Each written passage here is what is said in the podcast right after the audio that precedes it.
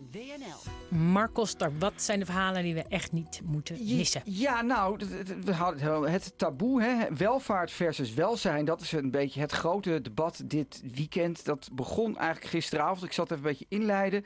Uh, Jort Kelder uh, vanuit zijn, uh, zijn grote huis in Terschelling ging eens een beetje bellen met wat mensen. Hij heeft ook een Jortkast, hè, en dan belt hij met ondernemers. En hij gooide toch een behoorlijke steen in de vijver waarbij hij zegt, ja staan we niet een beetje door met al die maatregelen? Dan gaan we, ik chasseer nu hem weer.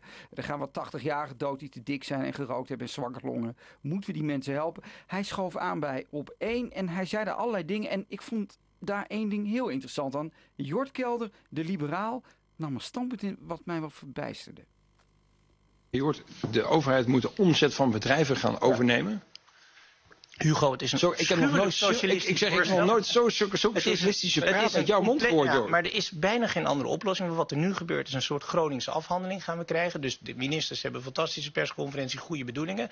En vervolgens hoor ik dagelijks ondernemers die mij bellen zeggen: ja, ik niet, hij wel, hoe zit dat? Het is te complex, het is te ingewikkeld, er zijn honderd definities koop het in één keer af en zie dan hoe je eruit komt. Ja, Jort Kelder is uh, communist geworden. Dat kunnen we wel heel langzaam zo vaststellen. Hij wil eigenlijk de hele omzet, hij zei het echt, hè? Ik, ik, ik, ja, we kunnen nog een keer terugluisteren. De omzet van alle bedrijven moeten toevallen aan de overheid, de staat. En de staat gaat dan bepalen hoe ze dat gaan doen. Het lijkt mij een onzinnig raar plan. Uh, ik denk dat Jort wel een heel goed taboe, want dat zat hij voor, aansneed over de ondernemers. Wordt het niet, niet, te hard geraakt? Er zijn al theorieën over dat ook omdat we dit zo hard aanpakken dat er doden gaan vallen. Daar, daar, heeft uh, Ira Helsloot, een, een hoogleraar, over het over gezegd. Die, die houdt deze stelling aan. Daar kun je van alles over vinden. Um, het FD heeft wat mij betreft, de keurige roze krant, heeft dat het mooiste geformuleerd in filosofische um, uh, woorden. De Kantianen de grote filosoof Kant, de idealist, versus de utilitaristen, de nuttigheidsdenkers. Daar gaat het om. Hè? Het nut. Hoeveel gaan we uitgeven aan het redden van de mens? Tot aan gaan we alle mensen redden?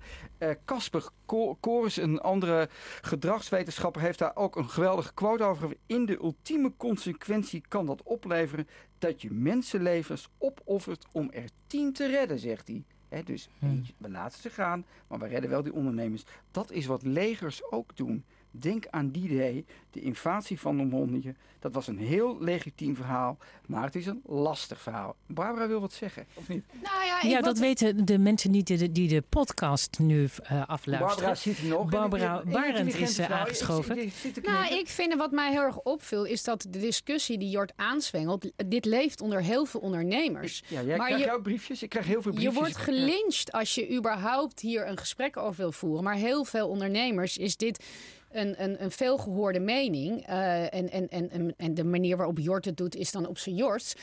maar er zijn wel heel veel mensen die op een gegeven moment zeggen: Weet je, ten koste uh, van wat gaan we? En, en, en, en heel, nou ja, de, de economie gaat daarmee naar de kloot. En ik vind dat in een land als Nederland, vind ik dat we daar.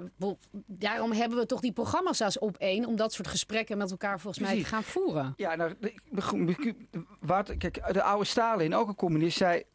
één dode is een tragedie. 1 miljoen doden is een statistiek. En daar gaat dit een beetje over. Hè? En, en, dat zie je ook in de stukjes in de krant deze week. Er worden heel veel cijfers gedaan, maar wat bijvoorbeeld Trouw doet dat. Goede krant trouwens. Trouw die, die, die komt dan met, ja, met de gezichten van de doden. En dat zegt in het FD ook Marcel Canoy, ook zo'n zo'n econoom, die zegt: ja, als het, als de, het slachtoffer een gezicht krijgt, ja, dan telt hij meer mee dan de, de, de, statistiek. Ja, dat is waar. Dat zien we inderdaad nog niet zo heel en veel. Bijvoorbeeld Trouw, ja, dat, die doet dat heel mooi. Die zijn al naar Goeree Overflakke gegaan. En die zijn naar zo'n gemeente gegaan waar dan in zo'n kerkgemeente heel veel mensen dood zijn omdat die met z'n allen in een koor zingen. Ja, dan voel je de tragiek al. En dominee Jan de Visser van de Exodus gemeente is nu zwaai, heeft nu een zwaaipastoraat geopend. Ik stap in de auto en dan zoek ik de mensen op. Dan maken we een babbeltje over het tuinrek. Um, in Nieuw-Rijzenburg, dat is een verzorgingsflat, er zijn zeven mensen overleden. Ja, en dat hakte dan in. Hè. En, en bijvoorbeeld een koor in Nunspeet, ook drie mensen dood omdat die dan met elkaar zingen. Kijk, en dan tellen de statistieken natuurlijk niet meer. Dan gaat het om, om de, de menselijke maat. Um, ja, dus dat is volgens mij een verklaring. Kijk ook even naar Barbara. Dat is ook een verklaring waarom we Jort zo hard wordt aangepakt, Ja. denk ik. Omdat hij de, de, het menselijke onderdeel vergeet. Oké, maar het kan niet zo zijn dat een land als eh, Zweden er niet aan meedoet en dat we daar dan niet iets van mogen vinden of dat we dat opmerkelijk vinden. Hè, Zweden die heeft, eh, die heeft gewoon de pubs open en de, en de scholen gewoon open. En eh, relatief weinig eh, eh, doden. Maar dus dat daar een vraag over is, is wel terecht. Alleen, Maar het is Je wel bedoelt een, van Jort de vraag. ja, het is wel Maar goed dat... Jort ja. zei eigenlijk, die 80-jarige, die moet je gewoon laten... Die Nou ja, maar maar dat is natuurlijk, weet je, je, het maakt niet uit hoe oud iemand is waar je van houdt, toch? Ja. Ik bedoel, daar gaat het toch om.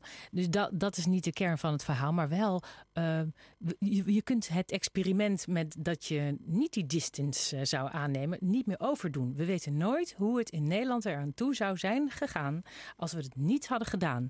Dat we wel gewoon met z'n allen naar het strand en wel allemaal eh, gewoon gezamenlijk op de terrasjes hadden gebleven. Wat, wat was dan het dodental geweest? Was wij, wat Nou, we ik iedere denk dag dat het dodental dan onder de ouderen wel echt extreem veel hoger was Ja, geweest. precies. Dat is volgens mij wat Jort Dus- ook betoogt. Eh laat de ouderen dan in quarantaine gaan en laat de jongeren wel naar Ja, buiten nou, gaan. is een, een cijfertje vandaag. Het aantal doden is nog nooit zo hoog geweest deze week. Alle tijden. Mhm. De eerste meting 1995. Dus er gebeurt wel wat. Het is, niet zo, het is niet zo dat niks is. Zelfs het- met al die maatregelen. nog. Nee, nee, dus, dus het is wel extreem. Dat moeten we wel vaststellen. Hè. En a- als je dan, in Italië, die, die sirene is af en aan, dat is natuurlijk verschrikkelijk. Ehm, ik heb nog één ander heel leuk verhaal. Cindy Huigen, de correspondent van de Telegraaf, is teruggegaan naar Wuhan.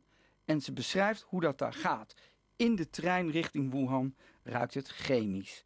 Van het desinfecterende middel. Vlak na vertrek vanuit Peking loopt een schoonmaakster door de gangen om de vloer nog één keer te bespuiten. De walm dringt zelfs door een professioneel mondkapje. Vlak voordat de trein Wuhan inrijdt, komt een dame langs om de temperatuur van de reizigers te co- controleren. Het is goed mogelijk dat iemand tijdens de reis plotseling toch symptomen vertoont en koorts heeft gekregen.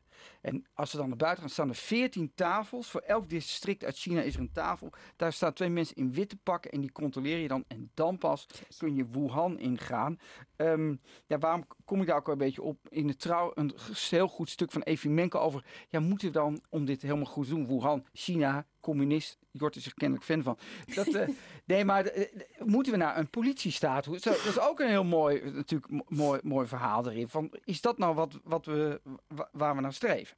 Nou, eh, liever niet. Nee. nee. Nee, maar Dus het is, wel, het is ik vind wel het lekker opgelost. fascinerend hoe, wat er nu in Wuhan eh, gebeurt. Hè? Want zij, ik, ik weet nog dat ik voor het eerst hoorde dat daar alles dicht ging. Toen dacht ik, en toen zat hier Marion Koopman in, in de studio van WNL op zaterdag. En ik zei, zouden wij dat ook zo doen? Ze zei, nee, zo, wij zouden dat heel anders doen. Wij- Zo, zo zou dat hier niet gaan. Zij hebben eh, echt een hele extreme lockdown eh, gehad. En dat was in december, januari. Moesten wij een lachen. Nou ja, wij dachten echt, het- die gekke Chinezen misschien wel. Ik weet het niet. Maar er zijn aardig wat mensen die dachten, dat gaat hier nooit gebeuren. Virologen dus ook. En nu zeggen wij, oké, en dan doe je die lockdown eraf. En dan? Gaat, is het dan over? Is het overgewaaid? Want het is natuurlijk een nachtmerrie als het daar weer gebeurt. Laten we wel wezen. Ja. Goed, maar dus, eh, we willen dus niet naar de politiestaat, maar het werkt daar wel in Wuhan. Het aantal besmettingen is daar zeer laag, op nul. Alleen de mensen die van buiten komen. Dus da- dat is dus een omgekeerde situatie. Vond ik wel mooi beschreven van deze dame. Dan gaan we even naar het muziekje luisteren, want de Matthäus Passion kunnen we natuurlijk niet meer naar luisteren in Naarden. Dit is, dit is mijn favoriete variant van de Stabat In de kerk niet, nee. Pergolesi. Moet je eens luisteren.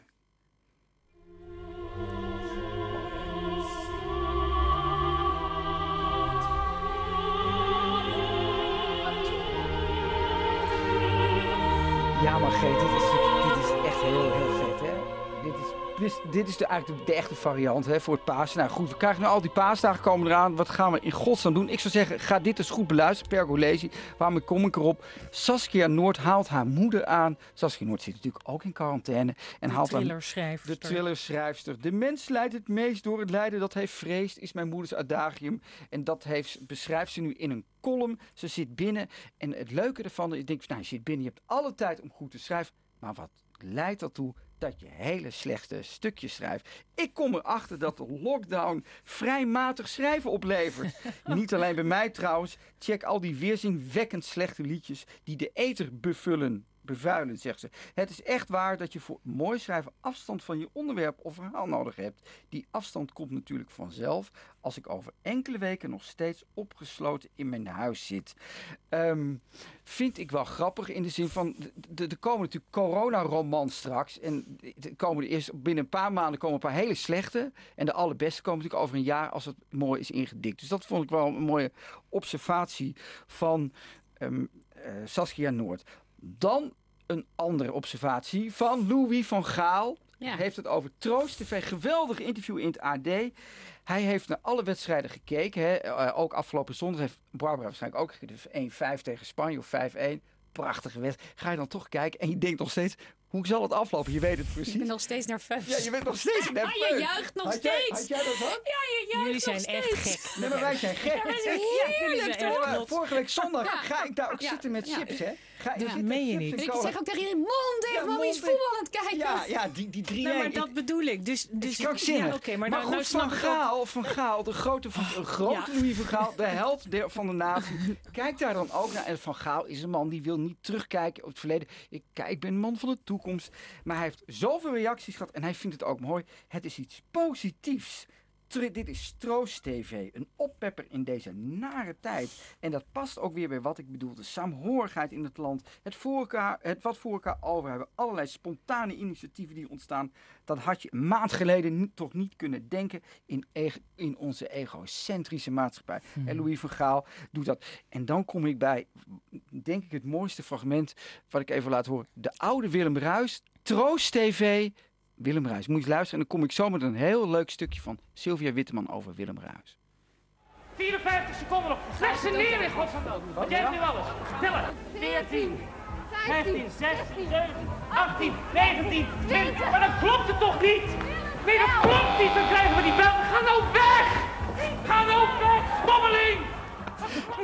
Ja? Willem Ruis zou vandaag 75 jaar zijn geworden. Ik weet niet of we nog een Troost TV hoekje hebben bij de NOS. Ik weet niet of de mensen luisteren. Doe Willem Ruis, laat dat zien. En dan ga ik nu Sylvia Witteman citeren. De snobistische columniste van de Volkskrant. Altijd een tikje snobistisch onder rebellerende heel jeugd. grappig vind ik haar. Ik Ja, vind maar haar dit is één. heel, haar, haar liefde voor Willem Ruis moet je even horen. Onder rebellerende jeugd, waar ik mezelf toe rekenen, was het verplicht om een hekel te hebben aan quizzen. Dat was intens burgerlijk vertier voor iedereen.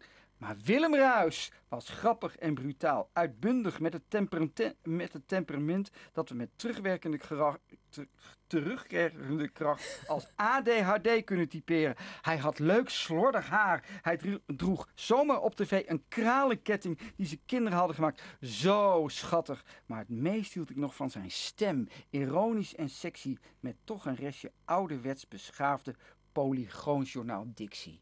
Ah, Mooi. Toch mooi beschreven? Helemaal tijdgeest. ja, Nou, ik eh, wil je hartelijk danken, Mark Koster. En ook eh, Barbara Barend, die er dit keer ook bij was. Sportjournalist en, eh, en uitgever. Nou, jullie kunnen je nog reuze van maken met heel veel oude voetbalwedstrijden. We hebben die nieuwe Van wedstrijden niet dat er nodig. nog gevoetbald moet Ja. worden als het even kan, hè? Ah ja, natuurlijk. Dus En het dat ze het is wel een goede. Ja, die, die, die, die, dat ze die- solidair moeten zijn die met zal elkaar. zichzelf nog wel in de arm knijpen. Is het echt waar? Gaat er geen competitie meer door dit jaar?